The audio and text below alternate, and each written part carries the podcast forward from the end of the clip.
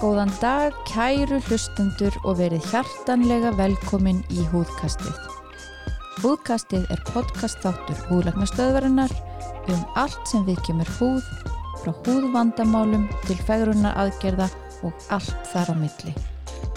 Við heitum Ragnar Hlín, Jenna Huld og Arna Björk og við erum húðlagnar með brennandi áhuga á húðinni.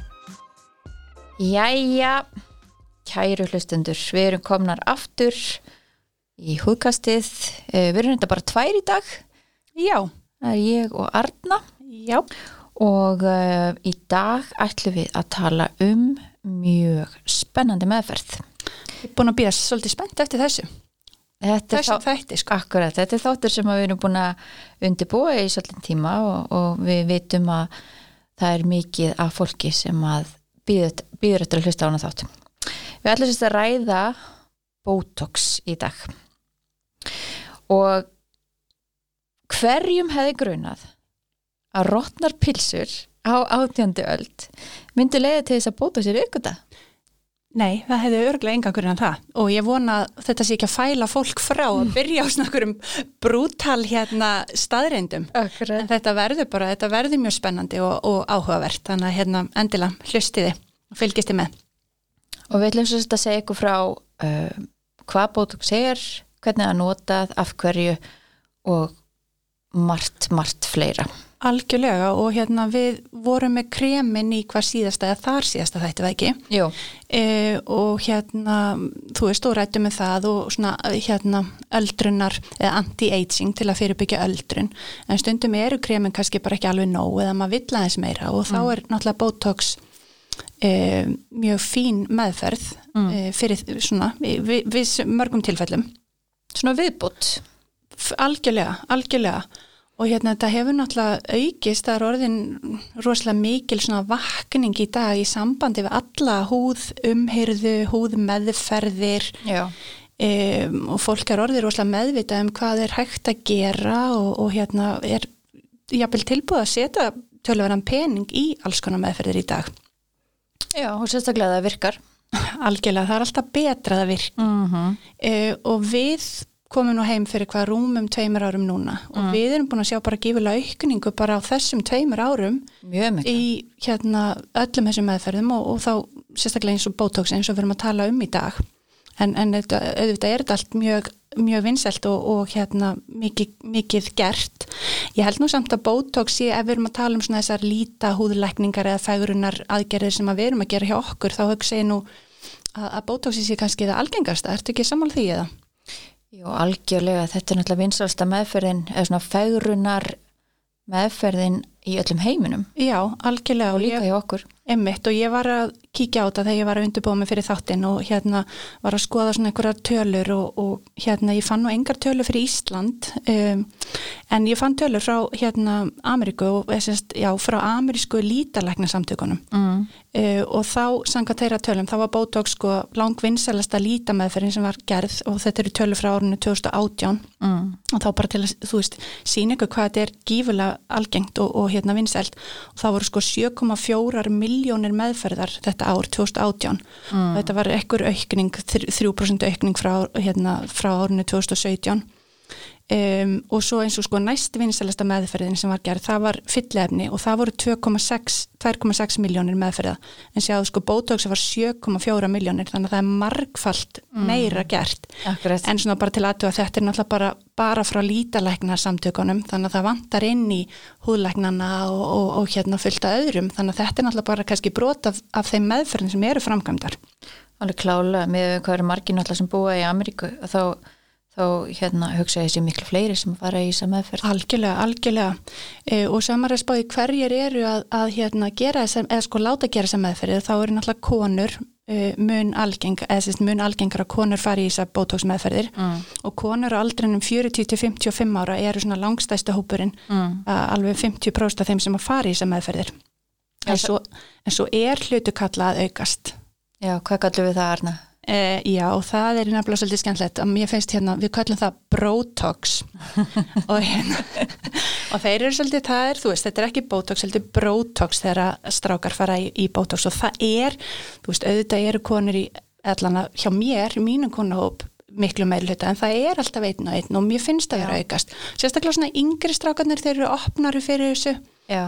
um, svona, og þú veist, eru til í alls konar að prófa ýmislegt Ég er alveg með nokkra Já, kalla- já, kalla hjá þú veist, það mér, er svona sko. nokkrir, en þú veist, þetta er ekki, já, Þetta er náttúrulega ekkert með fjölda kvenna en samt sem áður, þetta- þetta er um fjölgandi já, ótrúlega, ótrúlega, sko, bara, já, skemmtilegt að því, ég meina, auðvitað vilja strákarnir líka v- líta vel út, það er ekkit bara konur sem vilja líta vel út, sko, Mm, þannig að þetta er ekkit bara bundið við okkur. En ef við tölum áfram um, sko, þú veist, hennan bransa, hennan líta, hérna, eða svona, svona, já, líta, hvað kölluðu við þetta, húðfægrunar bransa. mm. Líta húðlækning Líta húðlækningar afsækið, já, einmitt, einmitt.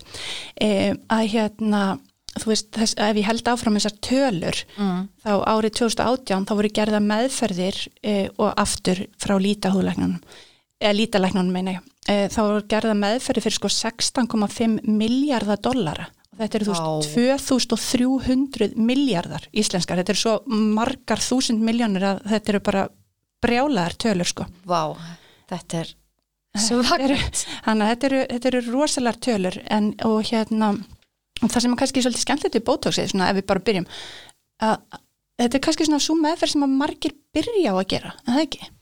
Jú, Svona fyrsta meðferð, eða sko ef maður er að fara í eitthvað svona, svona sprautu meðferðir. já, já, ég samanlega því Reyndar er hérna þú voru ekki tekið eftir því líka en, en svona margar konur sem koma til okkar sem að byrja á því að vera með mikla for, hérna, fordóma kakast bótóksi Algjörlega. Er ekki tekið eftir því? Algjörlega, jú, bara algjörlega, það er rosa margir og líka margir sem að kannski eru pína miskilja og við vonandi komum inn að það á eftir og þannig að fólk svona fattar munin, þú veist, margir sem segja ég vil ekki bótox í varirnar, ég vil alls ekki, alls ekki fá Já. bótox í varirnar, það er að blanda saman, þú veist, veit ekki alveg hver er munin á bótox og fyllefnum, Einmitt, einmitt. um, en bótox náttúrulega er kannski það sem að um, breytir útlitinu ekki, mi- eða þú veist, í raunin ekki neitt. Nei, það breytir ekki andliststráttum Nei. eða fytuvef eða beina uppbyggingu eða neinu slíku þannig að maður er ekki að breyta svona útlínum á fólki Nei, algjörlega og, og náttúrulega ef að botox er bara vel gert og, og svona þá er það kannski eitthvað sem að aðrir í umhverfinu eða aðrir í kringunni er í rauninni ekkert að taka eftir. Nei. En, en þú ert svona bara, þetta er svona frískar upp á útlitið svolítið. og sérstaklega ef þetta er gert hérna, eins og þú segir, vel og, og sá sem að er að gera þetta kann að gera þetta, vandar til verks Algjörlega. og hérna og, og það er ekki verið að setja á mikið ég held að það sé svolítið líkilinn Algjörlega og við hefum náttúrulega gert það svo leys hjá okkur að, að, hérna, að því þetta er ekki alveg svona með skamtana, ekki alveg svona one size bara fits all. alls ekki Þannig að það er svo mikilvægt að svona klæðskera snýða skamtana að hverjum að einum. Mm. Þess vegna höfum við tekið það afstöð að við gerum þetta þannig að, að við setjum botox og eitthvað svona standard skamt og, og hérna, þú veist, kannski frekar aðeins minna heldur en meira og svo bjóðum við náttúrulega fólkinu bara alltaf, alltaf að koma í endurkom og þá er þetta svona fín stilla þetta svolítið. Endurkom eftir tvær vikur þegar að- að full áhrif er komið fram og þá getur við svona fín stillið og fundið út hvaða skamtur henda hverjum að einum. Mm þannig að maður þurfi ekki að vera hérna alveg frosin í andlitinni í þrjá fjóra mánuði sem að kannski fæstir vilja. Akkurat. Ég, ég seti rauninni bara ótrúlega lítið þannig sé fyrsta skipti og sérstaklega hjá yngri konunum Algjörlega. að því það hefur alveg komið fyrir að þú veist maður hefur sett eitthvað standardskamt og, og, og hérna og það hafa bara verið svolítið mikil áhrif. Algjörlega, já, já, emmitt. Þannig að- að því bótóks er þannig að það er ekki hægt að taka það tilbaka, þú eru bara að býja eftir áhrifum hverfi en það er svo létt að bæta aðeins við, Mhm. Algjörlega, og svona- aðeins að fínu sér að Algjörlega, alltaf svona aðeins að finnst til þetta og þá vitum við sko næst ef að viðkomandi kemur, já, þú veist, það var þetta og svo bættu við aðeins og þá veit maður það og þá getur maður gert það næst og þá Mhm. er þetta orðið svona heim fullkomni skamtur, sko. mm -hmm. Af því að það er bara, maður sér að þetta er svo einstaklingsbundið að maður setur eitthvað lítinn skamt eh, og, og fær mikil áhrif hjá einum en nánast engin áhrif hjá okkur möðurum, sko. Akkurat. En við erum kannski svolítið að hlaupa hérna, Já, við erum komnar svona aðeins of kannski- langt. við erum svo spenntar en hérna kannski ættum svona þess að byrja að útskýra bara hvað, hvað Botox er. Já. Um, og kannski svolítið rugglingur með nafnið á þessu slis. Mm. Sko Botox er í rauninni, eða, eða það er að segja toxin er reglífa heiti yfir efni sem að við kallum vöðvaslakandi og, og við höfum svona reyta íslenska þetta orð og, og tölum mikið um toxín á okkar miðlum algjörlega, og heimasíðunni og svo leiðis ekki allir sem vita hvað við eigum við þegar við segjum toxín en í rauninni er það bara íslenskan yfir botox algjörlega og emitt og við tölum ofti emitt toxín, jafnvöð, verslakandi efni mm -hmm. en, en þetta er allt uh, bara mismöndi heita og eða fúst vera að tala um sama hlutin Já, svona akkurat. til að fyrirbyggja það og svo er náttúrulega til mismöndi tegundur af botoxi, það er bara frá mismöndi framleiðendum, stundum kemur fólk til okkar og segir hvort að við séum með uh, disport eða seomín eða bara þetta gamla góða botox mm -hmm. þannig að hérna, fólk er að lesa kannski mismöndi upplýsingar á, á netinu algjörlega En um, sko, það sem kannski hræðir fólk mest er þetta orð.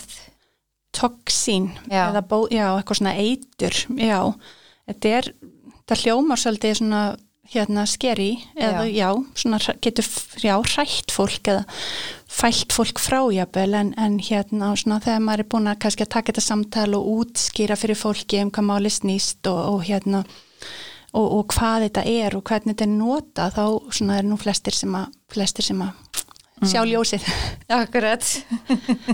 um, en hérna En toxin er sem sagt hérna eh, efni sem að ákveðin bakterja framleiðir og þessi bakterja heiti Clostridium botulinum mm og uh, þessa bakteríu er að finna á ótrúlega mörg stöðum, hún er í rauninni bara hluti af jarðveginum og það er jafnvel hægt að finna hana inn á heimilum fólks hljómar ekki vel en það er bara staðreind og, og Mjög, já, maður kannski getur maður bara, verið, er maður rekt að setja eigið botox heima hjá sér bara? það er spurning sko en hún er allavega á ótrúlega mörg stöðum og, og hún er meira að segja meldingafærin dýra en máli er það að hún er ekkit alltaf að framlega þetta toxin Nei, nákvæmlega, þannig að Nákvæmlega. þú veist hún, hún þarf svona ákveðin skilirði emitt, og hérna hún, þessi bakterja hún flokkast sem svona anerúb, hvað kallast það á íslensku? loftfyrt, eða ekki? já, eða loft, Loftfyrt. Loft, já, já, að vill ekki, Baktería. vill ekki súrefni, Nei. eða lifi best við, semst, ekki súrefni.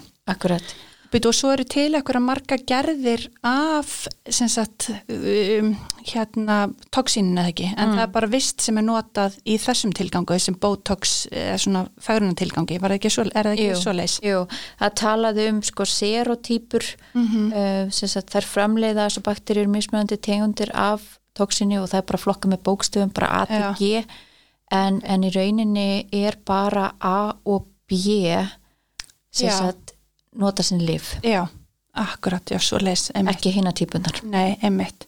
En hvernig, sko, að því að, einmitt, maður sprautar þessu, sem sagt, um, undir húð eða í vöðvana til að, að hérna, hvað hemja bóðin til vöðvana? mm Mhm. -hmm. þannig að veðarnir ná ekki að herpast saman. Já, þú ert rauninni bara að kötta svolítið á þessi, þessi bóð efni þarna á milli og það er ákveð efni sem heitir hérna, acetilkólin sem kannski fólk hefur heyrt talað um í einhverjum alls konar tilgangi og þetta flokka sem tauga bóðefni Já, og er sem sagt, nöðsilegt til þess að, að, að koma þessum bóðum áleiðis frá taugunum yfir í vöðvafrumuna þannig að taugarnar eru að segja okkur að, að hérna að, að segja vöðvanum þar að segja að herpa saman að spenna sig og það er sem, sagt það sem að, að, að botox gerir er að, er að hemja þetta þannig að vöðvann slaka á já, nákvæmlega og hérna kannski komið betur inn að það eftir í- en e, þú veist það tekur náttúrulega svolítið tíma þannig að þegar þú lappar inn og ég sprauta bótóksi mm. þá kom ekki áhrifin fram alveg strax Nei, af því að það þarf að, eh, já, þetta, þetta tekur svolítið tíma, þarf að sapnast eða ekki bara ná upp í eitthvað þröskuld í rauninni til eða þú sapnast fyrir þessum tauga endum mm -hmm.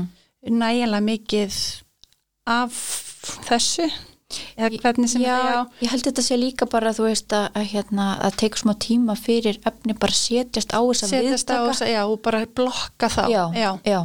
Þannig að sko full, þessi áhrifin fara ekki að koma fram fyrir en eftir kannski þrjá til fimm daga Já, og svo eru svona full áhrif komin þarna svona eftir cirka tvær vikur og það er þessna sem að við erum ekkert að taka fólki endurkomur fyrr, sko, það er ekkert að marka eins og ég var Nei. að tala um áðan með að fá endurkomur og, og svona fínstilla og, og svoleiðist þá hérna, þurfa að vera liðnar tvær vikur. Já, að því líka fólk er svo mismunandi, þú veist, sem er koma að segja, já, ég byrjaði bara strax að finna fyrir þessu, eða bara daginn eftir, eftir tóta og svo eru aðri sem koma bara í neitt að byrjaði ekkert fyrir bara í lóka þessara tveggja vikna, þú Já, veist. algjörlega, algjörlega. En já, allavega, hérna, um, það sem er mikilvægt kannski að gera sér grein fyrir er að Botox er lif. Já, nákvæmlega, það er kannski einmitt, ekki Það er svolítið kjarni málsins. það er ekki svolítið, satt? það er svolítið kjarni málsins og, og það skiptir náttúrulega mjög miklu máli að, að þetta er lif og það gera líka kannski að verkum að, að hérna, það má ekki alveg vera að tala hvernig við segir, maður getur ekki verið að tala um lif og kannski þessin er sem er verið að reyna að nota önnur nöfn yfir þetta líka mm. Það banna Mhm, auðlýsa. auglýsa lif sko að þessna sem er verið að nota toxín eða veðvæslagandi efni en ekki þetta sér heiti sko botox Mm. þó að það sé allir sem þekkja það þannig mhm, Akkurat. en, en hérna þetta er, þetta er lif og, og þar, þarlegend er að bara læknar sem mega meðhendla með botoxi Mm. Og mér er sér ekki bara allir lagnar. nei, einmitt, það eru bara vissar sérgreinar Mm. það eru húðlæknar til dæmis og sjálfsögðu lítalæknarnir Mm. og hvaða fleiri sérgreinar voruð aftur Svo er það hérna taugalagnarnir og þvagfaralagnar og auglagnar. já, já, já, einmitt Þannig að það eru vissa sérgrunar sem að fá leifi til þess að- að meðhandla með botoxi og við ætlum að fara aðeins betur í þetta á já. eftir. En ég er svolítið spennt að heyra sko, með botox að því þú byrjar hann okkur hvað rottnar pulsur eða hvað, hvað ég, ég er svolítið spennt að fá aðeins að heyra það og ég veit að þú ert búin að kynna þér þetta vel þannig að hérna, endilega þú mátt upp ef Já. fræða mig Heyrðu, Þetta er nefnilega svolítið spennandi Já, og, hérna, og fólk kannski veit þetta ekkit almennt en það er ótrúlega löng saga á bakvið botox. ok Þú veist, við með fólk Ég hugsa að fólk veit þetta ekki almennt ég veit lítið um þetta en nota þess að ekki þessa miklu löngu sögu sko. nei, þannig að hérna, já, en þú veist, fólk hugsaður einhvern veginn bara botox, hvað, það er bara tí, til 10 ár, 15 Já, ára já, eitthvað já, slags, já, já, en þú veist, nákvæmlega. sagan er miklu, miklu lengri emmitt og, og í rauninni uh, svona fyrstu heimildir uh, um botox er hana frá 18. öld, 1700 og, og eitthvað, spáði því, þú veist haldið hvað er langt síðan Þetta þú er bara, ef við vorum bara í torfkofum og þá, já, Akkurat. En þá voru sér satt einhverjar, hérna, einhverjir eh, þjóðverjar já, já. sem að, að hérna, borðuðu rótnar pilsur eða, eða bjúu eða eitthvað slíkt og, já. og hérna, eh, og dóu sem sagt. Já, og hvað var það þá bara lömun, bara almenn vöðvalömun eða þú veist? Já, sem sagt, þá, þá hefur uh, toxinni sem sagt myndast í þessum pilsum. Já, Það hefur bara myndast þarna aðstæður þar sem Já. að, að bakteríun hefur verið að kjöri framlega. aðstæður, já. Ekkert súrefni, innilokað, Mm -hmm. hiti, Já. þú veist, eða þú veist, stof, stofhiti og, og hérna og þá hefur bakterjum fara, fara að framlega eitrið og Já. svo borðaði fólki pilsurnar og, og dó Já, og hérna og þá var sem sagt eh, læknir á, á svæðinu sem fóru að rannsaka þetta og, og ég man nú ekki hvað hann heitir eða hétt segi en, Nei. en hann hérna hann hugsaði með sér þetta hlýta að vera einhvers konar eitrun sem hafi, hafi allir þessu, þeir náttúrulega vissi ekkert um bakterjur þarna og svo var það í rauninni ekki fyrir en bara 100 árum setna eða eða rúmlega 100 árum setna sem að var sérst, belgisku líffræðingur, hún Emily mjög svolítið töff Já. að kona Emily, það er, já, Veist það ekki? já, það er mjög töff. það var hún í rauninni sem að uppgötaði sjálfa bakteríuna Ok, já, já, klostuðum botulium já, og hún staðfesti sem sagt, þetta sem að var þá búið að velta fyrir sér í, í þessi Mhm. 100 ára eða meira að, að bótulismi sem sagt það að fá þennan sjúkdóm og, Já. og það sem þessi þjófur að gera þessi Já. stó úr, úr eitrunni pu- pu- of miklum pulsu, pulsáti, Já, eitrar pulsur, já, það var að velta með þessa bakteríu já, og hérna, fólk hefur kannski almennt ekki heyrt um bótulisma Nei, þetta er samt eitthvað svona sem að maður man Já. eftir og, og þú veist eins og með þessar niðursöðu dósir og, Akkurat. og hérna þú veist ekki að borða það bygglu dós og allt þetta var, þú veist, var það ekki, það var út af það, fólk var hrætt við þetta. það er út af þessu Já. nákvæmlega, eða þanindós Já, eitthvað eða svona, já. kom eitthvað skríti hljóð og Já, opnaði já, dósina já, já, já. þetta er allt út af þessu En svo var þetta líka eitthvað með hunangi, hvernig var það með unga börnin til dæmis og hunang, var ekki eitthvað Jú. bótilis, eða þú veist, eitthvað tengt því? Jú, það, það bannaði að dýfa snuðum í hunang Já. og gefa litlum börnum Alveg rétt. að það getur verið sem sagt, hérna, þessi bakterið getur verið í hunangi og það kemur náttúrulega bara á jarveginum þú veist. Já, já, en bótulismi er sem sagt í rauninni, það er þessi sjúkdómur sem maður fær út af þessari eitrun já, og hérna uh, þetta er náttúrulega alveg gríðalega óalgengt í dag já, en var að koma fyrir sem sagt, áður fyrir þegar matvalin voru geimt á við óviðunandi aðstæður einmitt, akkurat. og hérna og ég hugsa að þetta var örugglega náð hámarki þú veist þegar fólk var farið að, að niðursjóða matinn, það voru náttúrulega ekki þú veist einhverjar ál eða stáldósir Nei, nei, bara geimi þetta Eitthvað í sem ný- einhverju, já, þú veist áður fyrr og, og hérna og þannig rauninni byrjaði þetta og svo fattaði e, sagt, þegar, þegar þessar dósi voru komnar inn í fjöldaframlislu þá fattaði fólk að suma dósina voru hættulegar já, þá var farið að sem sagt, e, e, sem sagt, hita dósinar til þess að drepa bakteríuna já, og nútralisera toksinni þannig já, já, já, einmitt. Þannig að þú veist, ef maður hitar, já, hitaði matvælin eða dósirnar eða eitthvað, þá drefst bak- bakterían. Sko. já Það er ekki svo leis. Jú, og, og, og ég held að toksinnið svona hvað segir maður, svona eh, hlutleysist Já, það þólir ekki hitan sko. Nei, en svo var einhver saga líka sem ég manna eftir í, í sambandi við eitthvað svona efnavopna hernað eða hvernig var það eftir? Það Já. var eitthvað átt að nota, var ekki botox eða þessa bakteríubótulinn toxin í eitthvað skona efnavopna hernað? Já. Var ekki hugmyndir upp um það? Jú, pældi því Já, það var sérst í, í hérna setni heimstyrjöldinni að þá voru bandrækjumenn að rannsaka botox já, af því þeir höfðu sérst hérna uppi hugmyndur um að geta nota botox sem í rauninni efnavopn, já, þú veist já. og hérna og, og gerðu ótrúlega í rauninni flotta rannsóknir Já. á þessum tíma Já, og það var meira þessu upp einhverja hugmyndir um að, um að þeir ætluðu að láta vændiskonur gefa hermönum pillur fullar af botoxi æ, æ, æ, já. þannig að hérna, þessi saga er, er svolítið skemmtileg sko. skemmtileg saga og eitthvað sem að maður náttúrulega, já, bara veit ekki af, sko.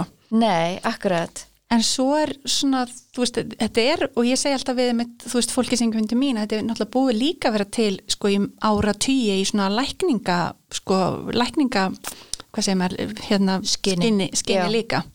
Já. Og hvað er það fyrst svona tauga í sam, svona við taugalækningar eða ekki, eða hvernig, eða, Nei, nei, er það það- auglækningarna? Já, það, það, það byrjaði nefnilega hjá auglaganum sko Já, og, og það voru inn í þessar rannsóknir sem voru gerðar hérna í heimstyrjöldin sem löður svolítið grunninn að þú veist, öllum svo rannsóknum sem að við byggjum á í dag já, mitt. og, og, og það, það, það, það sem er kannski gleymist svolítið hvað, hvað líka ótrúlega mikið af rannsóknum á baki Já, bótóksísk, Já. þetta er eitt rannsakasta efni sem til er algjörlega, og hérna, sem er alltaf mjög gott. sem er mjög gott Það vitum við mikið um efnið og, og svona mögulegar aukaverkanir eða, eða hvernig, algjörlega, algjörlega og forsenda fyrir því náttúrulega a- að lifur sett á markað er að það er búið að gera staðlar, tvíblindar, klíniskar rannsóknir. já, algjörlega, emmitt. En, en sem sagt, uh, það voru reyni auglagnar fyrst sem fóru að nota botox Mm -hmm. og, og það var einhver maður hana, í kringu 1950 sem byrjaði að testa botox á, á öpum. Ok. Já, Æ, hérna dýratilun, ég veit nú ekki alveg hvað mér finnst um það. Nei. En allavega, uh, hann sem sagt var að aðtuga uh, að kallast strabismus, hvernig segir maður það á íslensku? Já. Að vera svona rángauður, Tílegður. eða rángauður, já, akkurat, þeirra, þeirra augun vísa ekki alveg Já, á, beint Já. bæði tvö þannig að og hann fór að gera tilhörinu með því að sprauta bótóks í aukveða hjá Mhm, öpum og fekk bara frábæra niðurstöður og svo leiðu hann ansi mörg ár en það var sérst 1977 sem að fyrsti sjúklingunum fekk bótóks í auga já. Hugsaður, Eins- hvað er samt, hvað er 45 ár síðan eða eitthvað? Líku, 43 fyrir ekki að við þig. Gefðu þig. Skulum ekki gera það lengri en... ég, ég er ekki aldrei sko Nei, ég veit það alls ekki, alls ekki. En þetta er gert en þann dag í dag, eða ekki? Jú, Það er verið að nota bótóks í aukveðu enn þann dag í dag, bara Algjörlega. með mjög fínum árangri. algjörlega og ég meina þetta er verið að gera á börnum. Algjörlega og þetta er í rauninni, þetta er náttúrulega ekki, ekki hættumikil aðgerð sko. Nei, Þannig að þetta er rosa flott. ég meina það væri ekki verið að sprauta bö- börn með bótóksi ef það- ef það- ef það væri stór hættulegt. Nei, algjörlega, nei, mitt. En, en hérna, fyrstu bótóksin sem voru hann á markaði, þessi sem að aukvöf, hérna, auk, auklæknir notuðu, þau hérna, þau hétu ekki bótóks. Nú, Þessu hvað þau hétu? nei, Þau hétu hérna okkulínum. okkur línum. Ok, okkur líka náttúrulega auga, þannig að þetta er eitthvað skonar... Auk réttarinn í rauninni. Já, já, Að rétta Já. við augað. já, Og síðan 1989 þá kom í rauninni lifi sem við köllum bótóks já. á markað. Þannig að það er hann að rúmum tíu árum setna sem að það kemur á markaðin. og í rauninni við drögum þetta nafn af því lifi og, Já. og síðan þá hafa allir talað um bara botox Botox, Þú veist.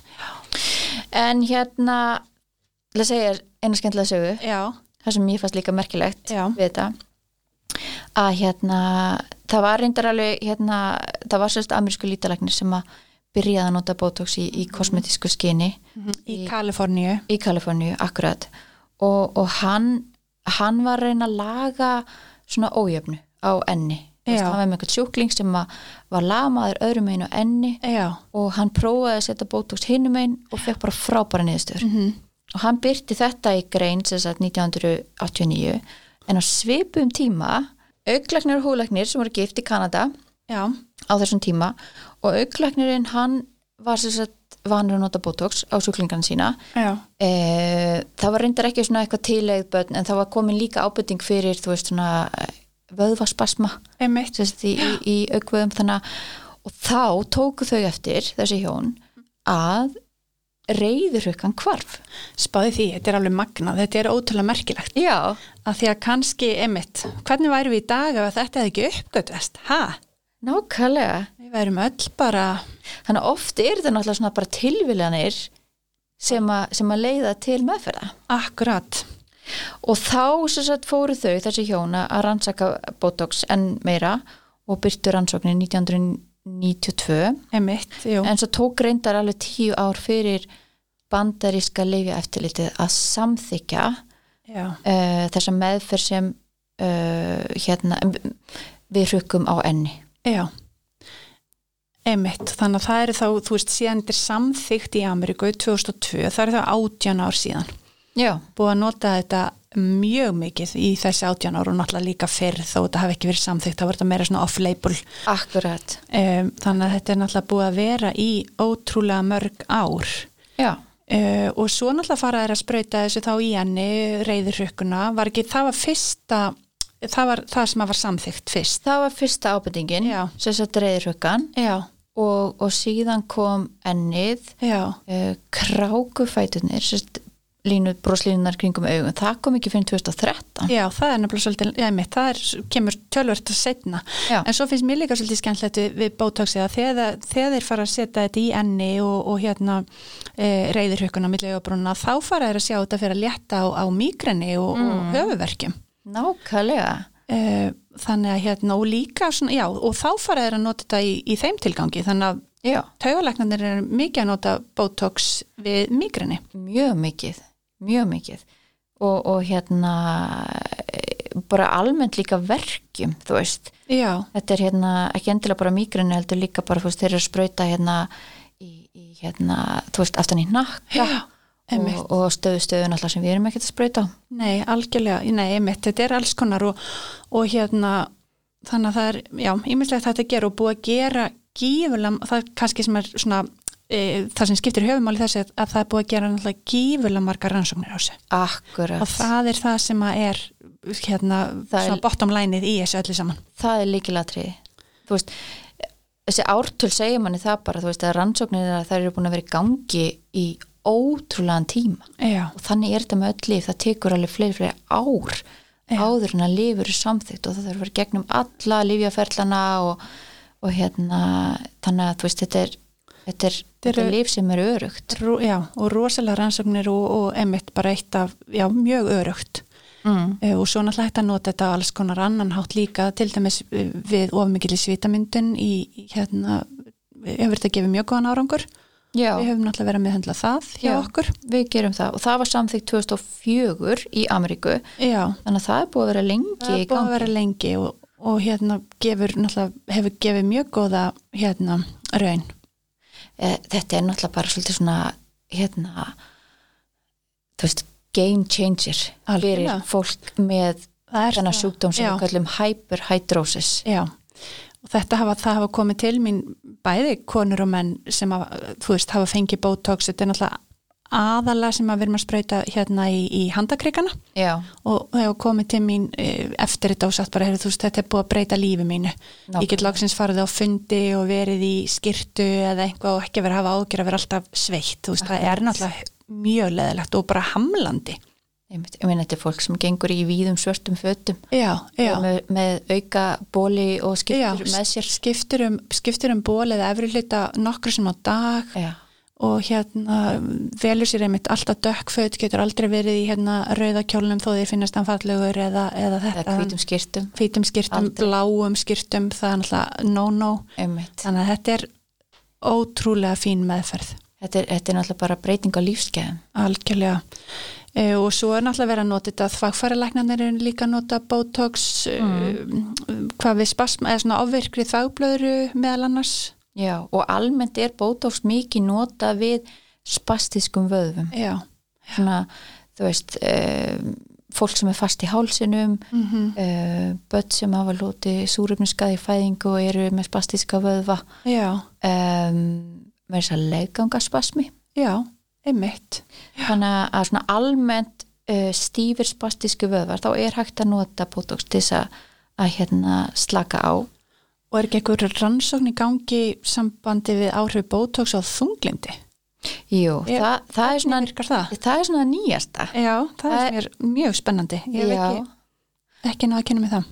það, sko, það sem ég hef lesið er uh, aðalega náttúrulega reyðruggan og enni Mhm. mm einhvern veginn þá nærða að slaka á þannig að fólk verður léttara í lund Já, pluss það að þetta hefur líka einhver áhrif bara á myndun tögabóðefna já, þetta er þetta er alveg... ekki bara að þú lítur Með, þú veist, Já. gladari út Já. heldur líka bara, Já. þú veist mjög, hérna... Þetta er mjög áhugavert. spennandi. Mjög spennandi, og, mjög. En svona botox sem að við erum að gera, mm. sem, sagt, sem húðlegnar, eh, hvað hérna, hvað myndir segja að vera svona algengasta svæði sem þú meðandla með botox er regna? ég Já, um, reyðruggan, já, númer 1, 2, 3 Já, og reyðirhjökkan er sem sagt trykkan sem að, á milli augabrúnuna. já, stundu kallu 11 Já, ellefan, grippulína, ég veit ekki, maður er alls konar nöfn á þessu, en, en hérna það er ójærlega sammála, það er svona held ég að lang, lang algengasta. það eru flestir held ég sem koma út af út af, út af henni Já, reyðrikunni sko já, ég myndi segja það, já. síðan væri það líklega þverlínur og enni Mm og svo náttúrulega kráku Kráku línurnar eða brosrökkurnar í kringum augun, Já. eða broslínurnar í kringum augun. já, Eh, við skulum setja hérna við skulum setja mynd á, á Instagram Já, uh, til þess að sína fólki þessi svæði sem við erum að tala um þannig að fatti betur Algjörlega, við Það gerum ekki? það, jú, við eigum hana, mjög fína mynd. En svo er náttúrulega hægt að, að meðhendla og svo, þú veist, og við erum að meðhendla til dæmis eins og hérna kjálkavöðvana. það er enda mjög sniðu Það er mjög sniðut og náttúrulega kannski fyrir þá sem eru með stóra kjálkavöða, gnýsta tönnum, jafnvel í söfni eða eitthvað svo leis. En líka svona, þú veist, þetta er svona, þetta hefur verið talað sem svona e, slimming, eða sem sagt að þetta svona, já, andliti verður ekki eins svona e, st mikið eða þú veist, bölki eða, eða svo leis. já, já, þetta er í rauninni hægt að nota þetta í, í tvennskonar tilgangi Já. þeir sem er að gnýsta mikið tönnum og Mhm. eru að- að eigða tönnunum á sér út af tanngnístri og eru að vakna með gífulega verki, Já, höfuðverki, höfuverki og óþægindi bara. þú veist Já, e, og svo hins vegar þeir sem að bara eru með einhver hluta vegna, hvort sem það er genetist eða út af gnýstri eru Já. komni með einhverju svona super kjálkaveða eða of miklu tyggjó, e, tyggjónótkun. eða það Ég er með nokkra svo leið sem eru svo mikið með tyggjó og þeir eru bara komna með bara massífa hérna kjálkaveða. já. Þannig að þetta er ímislegt. þannig að þá er hægt að, að hérna, slaka á þessum vöðum Emmett. Nú og svo er eh, um, þetta hérna gummismælið, þú veist, þann, þegar maður brosir og, og sérst svona eh, meira upp í gómin, sérst of mikið. sést, sést meira í tannholdi Mm. Já, sumir vilja laga það. mm. og það er hægt að gera með svona einhverjum mikrosköndum að bótóksi Já, já, e, eh. reyndar er allt það sem við erum að tala um núna svolítið svona off-label algjörlega. Það er náttúrulega í rauninni enni hérna reyðurhjukkan og auksvæði Krák- já. krákurnar sem eru svona viðurkennsvæði þegar. svona FDA approved Já.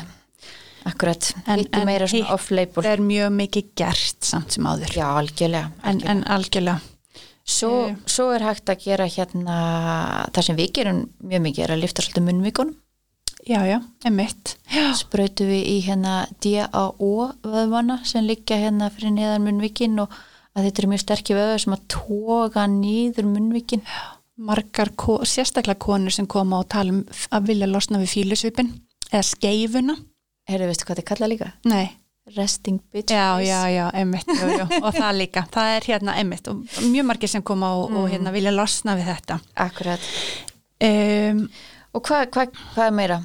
um, já, og svo er náttúrulega hakan, hérna, hvað hva viljum við kalla það, svona eins og hálgerða appi sínu húða á hökunni eða þú veist, hérna, múrsteina haka hefur þetta verið kallað. Já. kallast það ennska cobblestone Já, þú veist, það kemur svona eins og svona ójöfnir í hökunna. akkurat svona dældir að því að bara vöðvin er virkur Ekkunin, eða já, já, það er hægt að laga það og svo náttúrulega hérna línurnar á nefunu þessar svona bunny lines, kaninu línurnar já, hægt, akkurat að- hægt að taka þær og Nefertiti, já, einmitt, það er það er nefnilega svolítið sniðu og meðferð, já, eitthvað sem að maður kannski ætti að gera meira af já hvernig, segðu okkur hans, segðu mér hans meira frá henni hvernig, hva, hvað er Nefertiti hvað, hérna, nú er öruglega Sko- mjög margir sem hlusta sem vita ekkert hvað það er Nei, Nefertiti var náttúrulega hérna egísk drottning já, og hérna hún var með svo fallan háls Mm. og maður hefur séð myndir þú veist af, af henni hérna bara ótrúlega svona mjór og langur háls og Já. þess að þetta kallað Nefertiti lift og þá sprauta maður botox sem sagt í vöðva sem heitir platisma sem eru með á hálsinu sem er alveg náttúrulega gífulega stór og, og festist á kjálkan og fer alveg niður á reynu hérna viðbeinin sko og þessi vöðvi hann náttúrulega getur orðið mjög sterkur og, og hann byrjar að toga svona meira með árunum þannig að fólk fær svona bönn já, þú veist, ma- maður sér það þú veist, ef maður, já, svona, já svona svolítið eins og hvað maður kalla, myndi kalla þetta sinaberan háls eða eitthvað sliðist þó þetta sé ekki það en, en nei, en það, það mynda koma svona sér bönd bönn á já, hálsinum og svona togar meira niður í miðjunni já. Þannig, að- og þetta er þessi vöðvi Algjörlega, og ef maður slakar á honum þá náttúrulega verður kjálkalínan skarpari já, og svona þetta verður allt hérna, já, maður fær svona liftingu já, já en án þess að vera eitthvað svona íkt þetta Já. er svona bara, þetta er svona subtile lítið, kemur mjög vel út, ég hef nú ekki sko, m- maður kannski, já, ég mitt eins og þú segir gerir kannski ekki alveg nóg af þessu en, en þetta, maður kemur,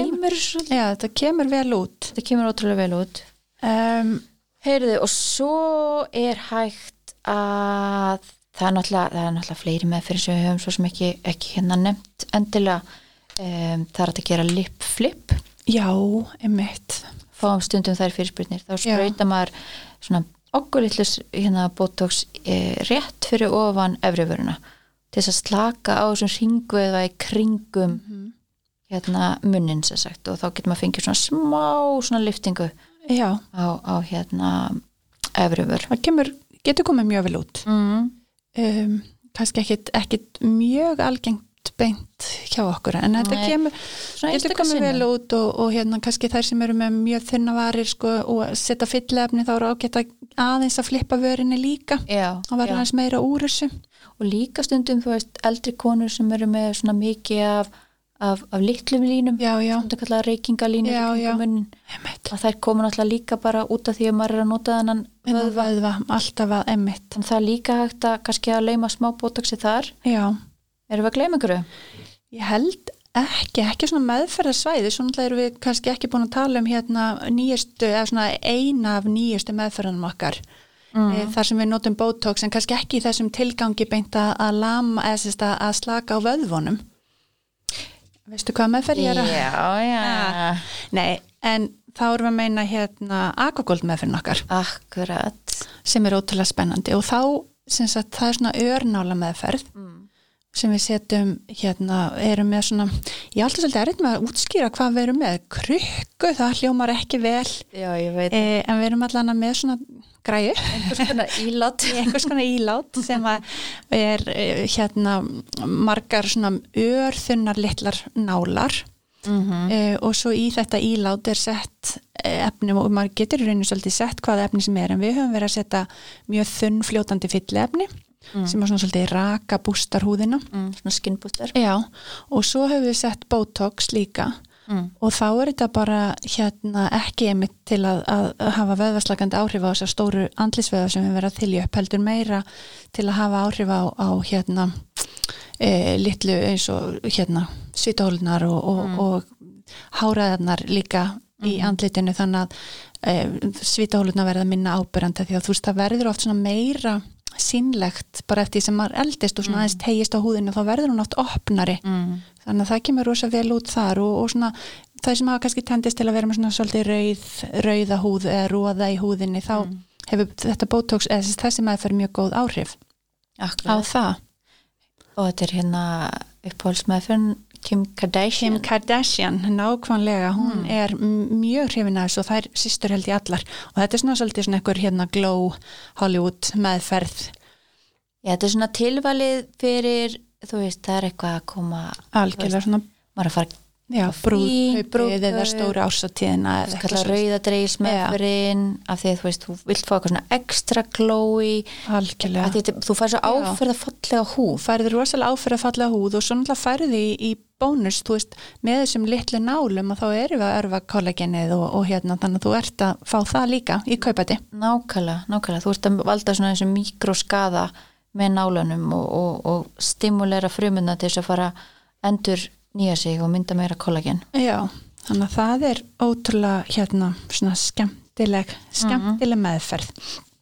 Og við tölum nú meira, við komum nú meira eins og við sögðum í byrjun að þá ætlum við að svona fara í gegnum allar þessar meðferðir eh, svona í setni þáttum. Já. Þannig að við eigum eftir að tala meira um hérna örnála meðferðina og, og aquagoldi setna. Akkurat. En við fáum oft þessa spurningu hérna, hvenar á maður að byrja að koma í botox? Já, Ha? nákvæmlega og hvenar á maður að byrja? Fengum einmitt þessa spurningu á Instagram. Já, Ha? veita. Hvaða konur eru að koma í botox? Sko, Eða á hvaða aldri? ég myndi segja að þú veist þetta eru náttúrulega mjög mikið konur svona um og í kringum færtugt. Það er svona stæsti hópur, milli færtugs og fymtugs jafnvel, eitthvað mm. svo leys. Ertu sammála því? Já, ég samt hérna ég las rannsókn þar sem að, að talaði um að, að þeir konur sem hefðu mest mesta, hvað segir maður eh, Svona fá mest út úr já, fá meðferðinni. me, mest Já. út úr botox meðferð eru einu konur millir svona 30 og 50 Já, emmitt. þannig að hérna að því þú veist, konur sem eru kannski orðnar 60, 65 Já, eru orðnar svolítið djúparhugur það er orðin svolítið mikið djúpar línurnar. og, og þá, þá kannski þarf maður að ok, vissulega getur maður að nota botox eitthvað en Mhm. oft þarf maður að náttúrulega bla- blanda saman við fyllefni Fyll- já. eða leyser eða þú veist, Emmitt, ef maður emmitt. gera aðra hluti Einmitt. Og mér finnst sko, um, þú veist, þegar við vorum til Svíþjóð, þá voru að koma, það var algengt að stelpur væri farnar að koma í svona fyrirbyggjandi botox 28-30 ára sem að deilum það hvort að það sé of ungt eða hvernig Mm. það er að mér finnst aðeins vera aukast hér líka ég menn það er að koma stelpur aukstar í kringum þrítugt og vilja bara fyrirbyggja eða kannski mömmu eða ömmu sem eru með djúpa línu og þar vilja ekki fá það eða sérst vilja svolítið fyrirbyggja það og koma í veg fyrir það mm. nú erum við alls ekki að íta undir að unga stelpur leiti til okkar Nei, til þess að alls koma í ekki, bara fyrirbyggjandi til að- botox já. en, en hérna eh, þú veist, það er alveg hægt að skoða þetta og sérstaklega náttúrulega kannski hjá að þú veist, eh, konur eða stelpur sem að þær eru bara svona Já, genetist einmitt. með meiri sjökk Já, það er ná- nákvæmlega það, einmitt, eiga mömmu eða ömmu eða eitthvað sem óþægt Já. bara svona og, og einmitt og eins og þú komst inn á að, að hérna, þú veist, þegar konur orðnar 60 ára eða, eða eitthvað, þú veist, þegar línar, línurnar orðnar mjög djúp, djúpar, þá er orðið erfið að reyga við þetta. En ég samt, sko, þegar línurnar eru svona djúpar, þú veist, um, ég byrja samt eil alltaf á að setja botox mm. eh, svona til að reyna að, að aðeins að slétta úr þessu og, og líka finnst mér bara að maður setur ekki botox til dæmis í hérna reyðirhökkuna ef maður fyrir beint í fyllefni þar þá minnst það rosa fljótt bara að getast upp að því þú ert alltaf að nota vöðvan heldur áfram því Já, ég byrja alltaf alltaf bótóksi, þú veist, og alltaf að, að vinn, þú veist, að, að hérna reyna og fá svona slett úr þessu og svona og svo kannski búin að setja bótóks 1, 2, 3 skipti en línan alltaf til staðar, þá myndum maður kannski lauma smá fyllefn en, en hérna, já, já það er svona aldrei kannski fyrsta val, þú veist, aldrei. Nei, nei, nei, nei, nei, alls ekki. Líka bara þú veist það sem að við kannski nefndum ekki er að um, endur teki nótkun botox hún leiðir til vöðvarýrnunar Já, og, og þetta er svolítið mikilvægt vegna þess að og, og þetta er eitthvað sem við svolítið fókusirum á og það er það sem við viljum svolítið fá fram vegna þess að það sem við erum að gera er að, að veikja vöðvana sem er að valda hrukkunum þetta er bara alveg svo hérna þú veist, þú brotnar brýtur á þér handlegin, þú fer í gifs, þú veist ekki að nota vöðvan náttúrulega rýrnar hann já, þetta er nákvæmlega það er það sem gerist náttúrulega þegar við erum að spreita botox í enni á fólki og, og, og það, það, þau, þau áhrif viljum við fá fram því þá hættir þessi sterka vöðuvirkni og þó, mér finnst líka sko sléttast meira og meira úr Algjörlega. svæðunum hefur Nákvæmlega, maður búin að gera þetta í nákvæmlega. mörg skipt Það þarf að gera þetta, þú veist, þú færðir ekki bótóks einisinn og verður bara alveg rennislegt, sko. nei, en það það er eru ekki kannski, þannig. en það eru margir sem að náttúrulega kannski bara vilja í raunin ekkit vera, þú veist, þú vilt ekki, þú vilt meira svona bara að þetta sé svona Náttúrulegt. fíniserað og náttúrulegt, þú veist, þú vilt Algjörlega. kannski ekkit vera hérna alveg bara eins og þú varst þegar þú varst 15 ára, sko. Nei, alls ekki Og, og hérna, það er kannski líka það sem að margir eru hrætti við, þeir einhvern veginn halda einmitt að maður verði bara frosinn, það er mjög margir sem segja það, þú veist, ég vil geta, eh, þú veist, sínt svipriði, ég vil geta verið hissa eða reyð eða, eða hvað það er. Algjörlega Og, en eh, það er svolítið miskilingur því að þú þarft alls ekki að vera frosinn í andlitinu þó þú sérst með botox. Nei, nei, nei, þetta er allt spurningu skamtastærðir Algjörlega, þannig að það er svona kannski það fyrsta sem að maður þarf að reyna að útskýra og, og hérna, mm. svona, eigða þeim hérna miskilingi. Mm. Um, en já, þetta eru svona, finnst mér algengast einmitt konur hérna ekki starf, milli 40 og 50, en, en yngri konur eh, og menn líka að koma. Ó, menn, já, akkurat og þeir þurfa nú dundur skamta Þeir þeir eru með aðeins stærri skamta og hérna, já, það er svona, maður þarf alltaf aðeins að finna út úr því, sko. líka hérna uh, fólk sem æfir mikið Já, það er einhvern veginn einmitt.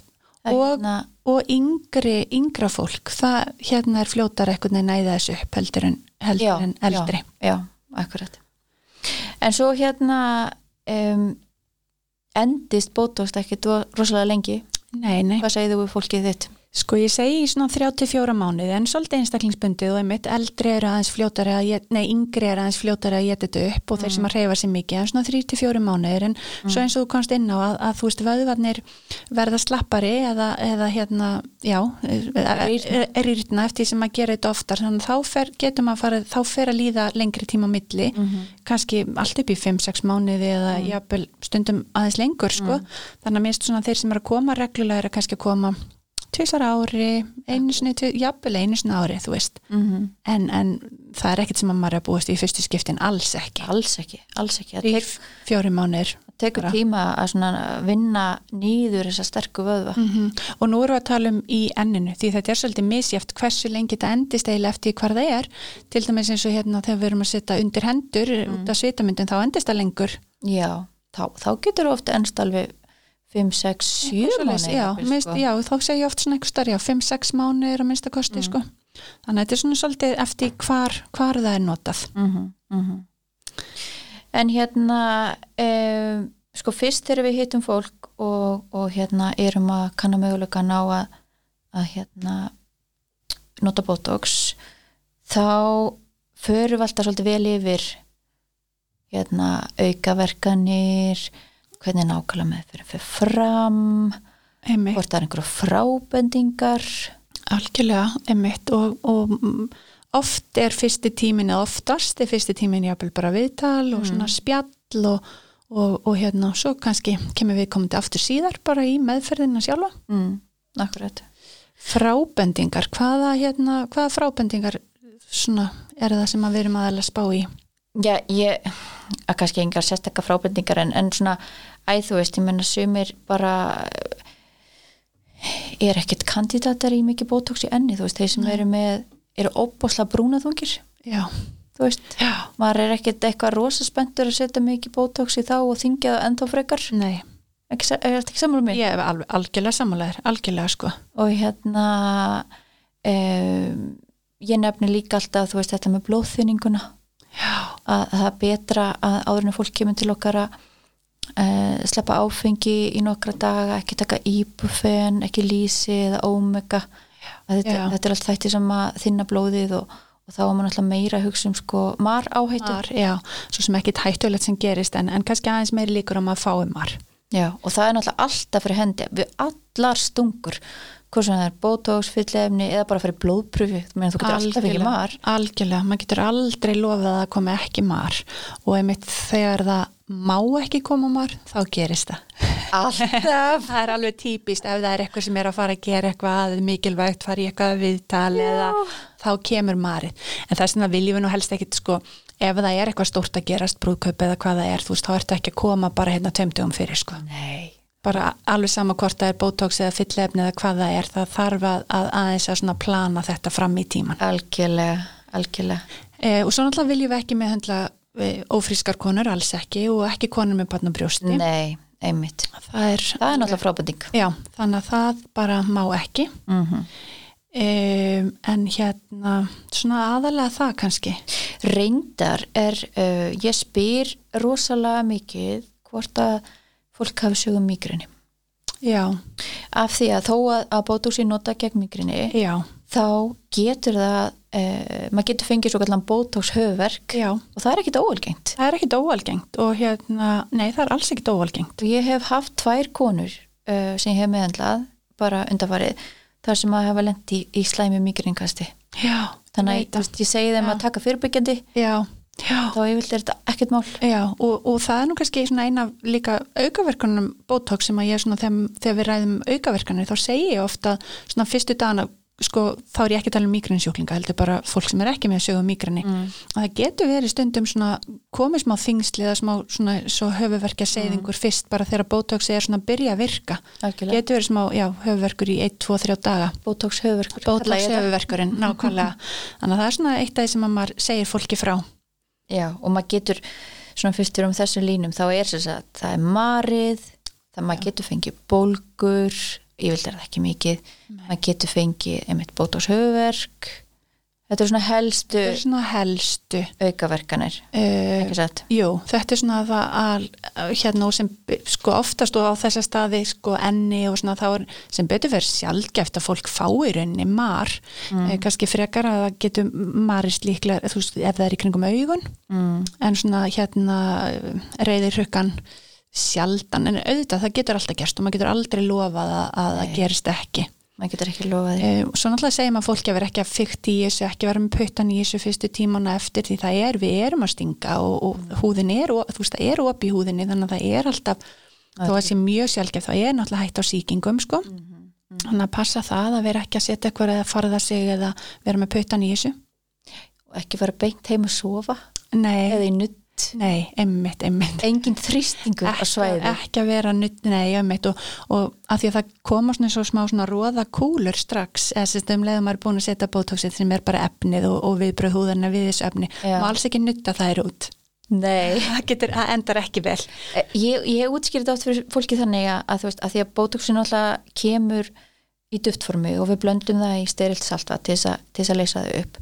Þannig að við erum í rauninni að sprauta þessu saltvatni með bótuksin í, í fólk og, og hérna, þó þetta sé ekki mikið magn en þá er þetta náttúrulega bara, þetta er vökvi Mhm. og, og ef þú ert eitthvað að fykta svæðin út að nutta þetta, þá getur fræðilega séð ítt bótuksinu eitthvað allt annað algjörlega, En þá ertu við kannski- viljum já, Þú ertu kannski farin að vel- hérna, hafa áhrif á einhverju vöðva sem við erum alls ekki að hafa áhrif á. alls ekki, nei og það er nú kannski þess vegna líka að því að þú ert að tala um það að hafa áhrif á vöðva sem við viljum alls ekki hafa áhrif á að, að hérna, það, þú veist, þetta er um, þó, að, þó að meðferðin sé kannski einföld og tæki stuttum tíma þá það þetta krefst svolítið að, hérna tölverða þekkingar á emitt hvar vöðvarnir eru og hvernig er virka því að við viljum náttúrulega alls ekki hafa áhrif á okkur aðra vöðva sko. Nei, nákvæmlega. Ég menna, þú veist, all, þess, þessina er þetta náttúrulega líka bara í höndum þeirra sem að kunna anatómíuna vel. Já, Þú veist, maður veit hvar maður á að sprauta, maður veit hvar, hvar vöðvarnir liggja sem þú ætlar að meðhundla. emitt Að því ég menna, um, það er möguleiki að maður getur fengið til dæmis svona augloka sig akkurat, Það er já, lítið- það er líka pínlítið vöðvi sem að sem sagt, festist í auklokkið og, og, og, og, hérna, og þú vilt alls ekki koma nála tónum því að þá hérna, getur maður lendið því að maður get ekki opnað auga algjörlega og, og hérna, það er nú sem betur fyrir mjög sjálfgæft mjög sjálfgeft og nú ef að það gerist þá sem betur fyrir er þetta eitthvað sem að gengur tilbaka þetta er Já, ekki, já. ekki viðvarandi Nei, nei, nei, þannig að nei. þú veist það er það góða við botox og það eru í rauninni engar kannski aukaverkanir hérna sem að eru svona viðvarandi sko Nei, nei, þetta er allt afturkræft og mér þess að líka, þú veist, ef að, ef að fólk er búin að nota bótóks í 1-2 ár og, og þessi vöðvarýtninu komið fram, þú getur alltaf farið tilbaka. Þú bara vinnur upp Já. styrkin aftur.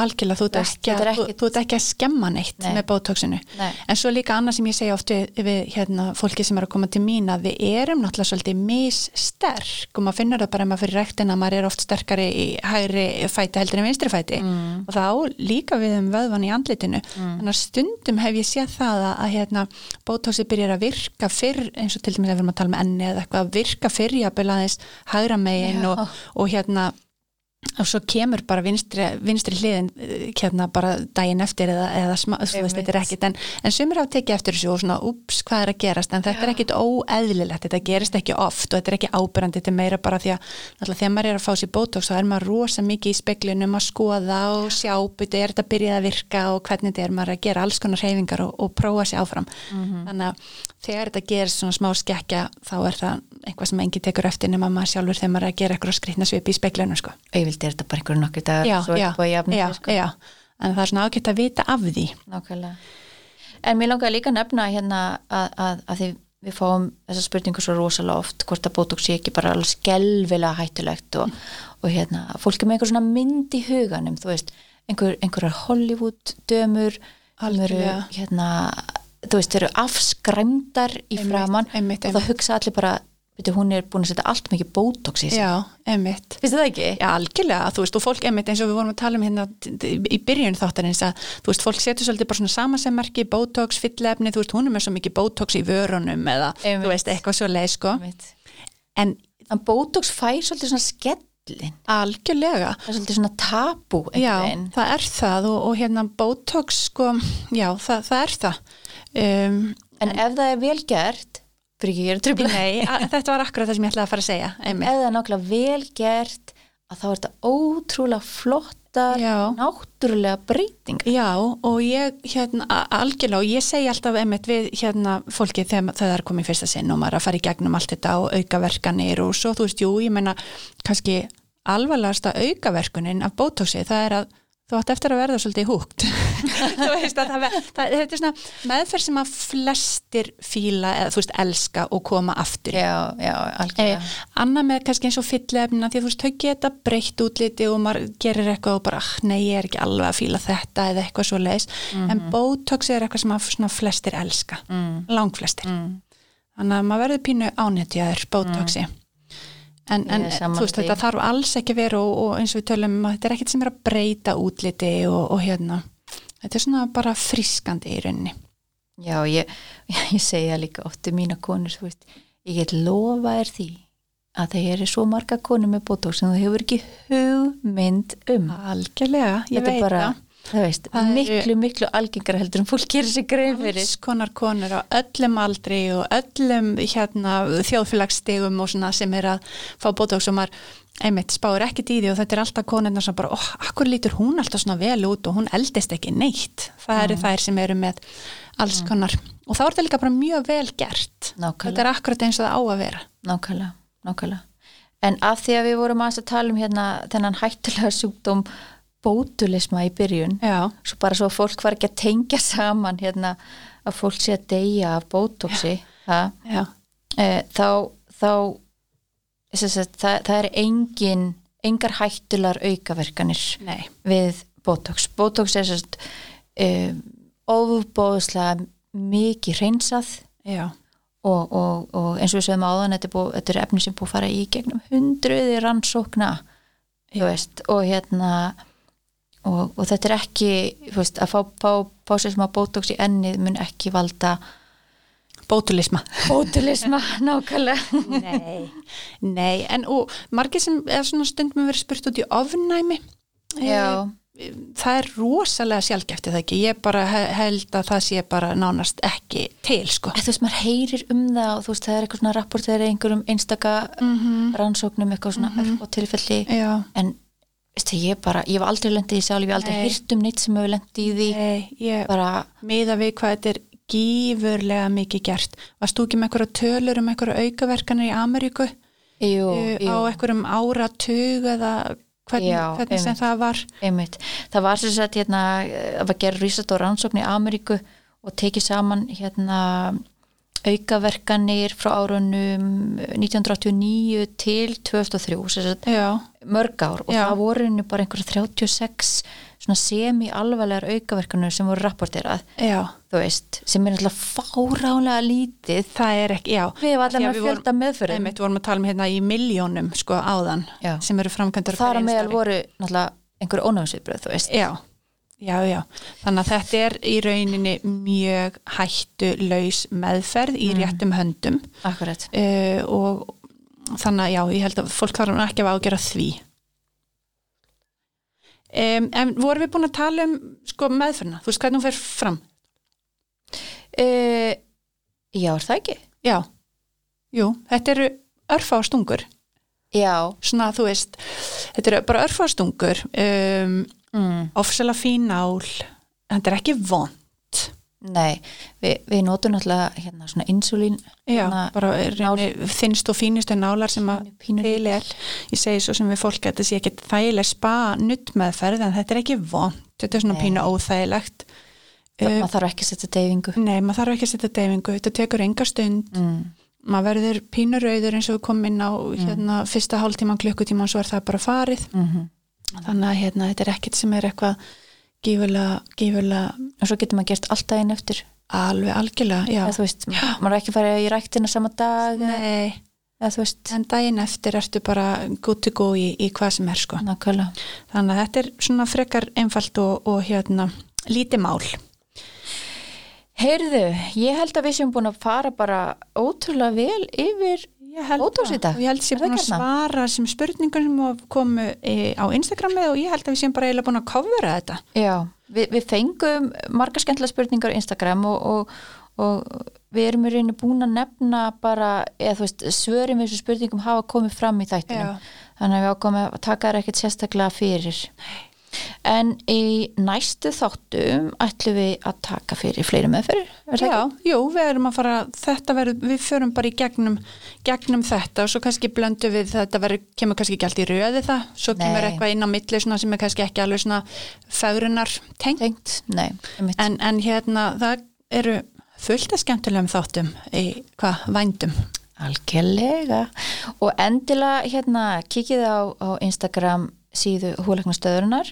Uh, við ætlum að setja hann einhverja myndir setja myndir um þetta og, og það eru náttúrulega nú þegar ágætismyndir inn á Instagram síðinu fyrir og eftir myndir í Botox þannig að endilega skoða þessa Instagram síðu það er mikið af, af skemmtunum upplýsingum og, og myndum þar inni Já, er það ekki? jú, við Er það segjum, við segjum bara takk fyrir í dag. Takk fyrir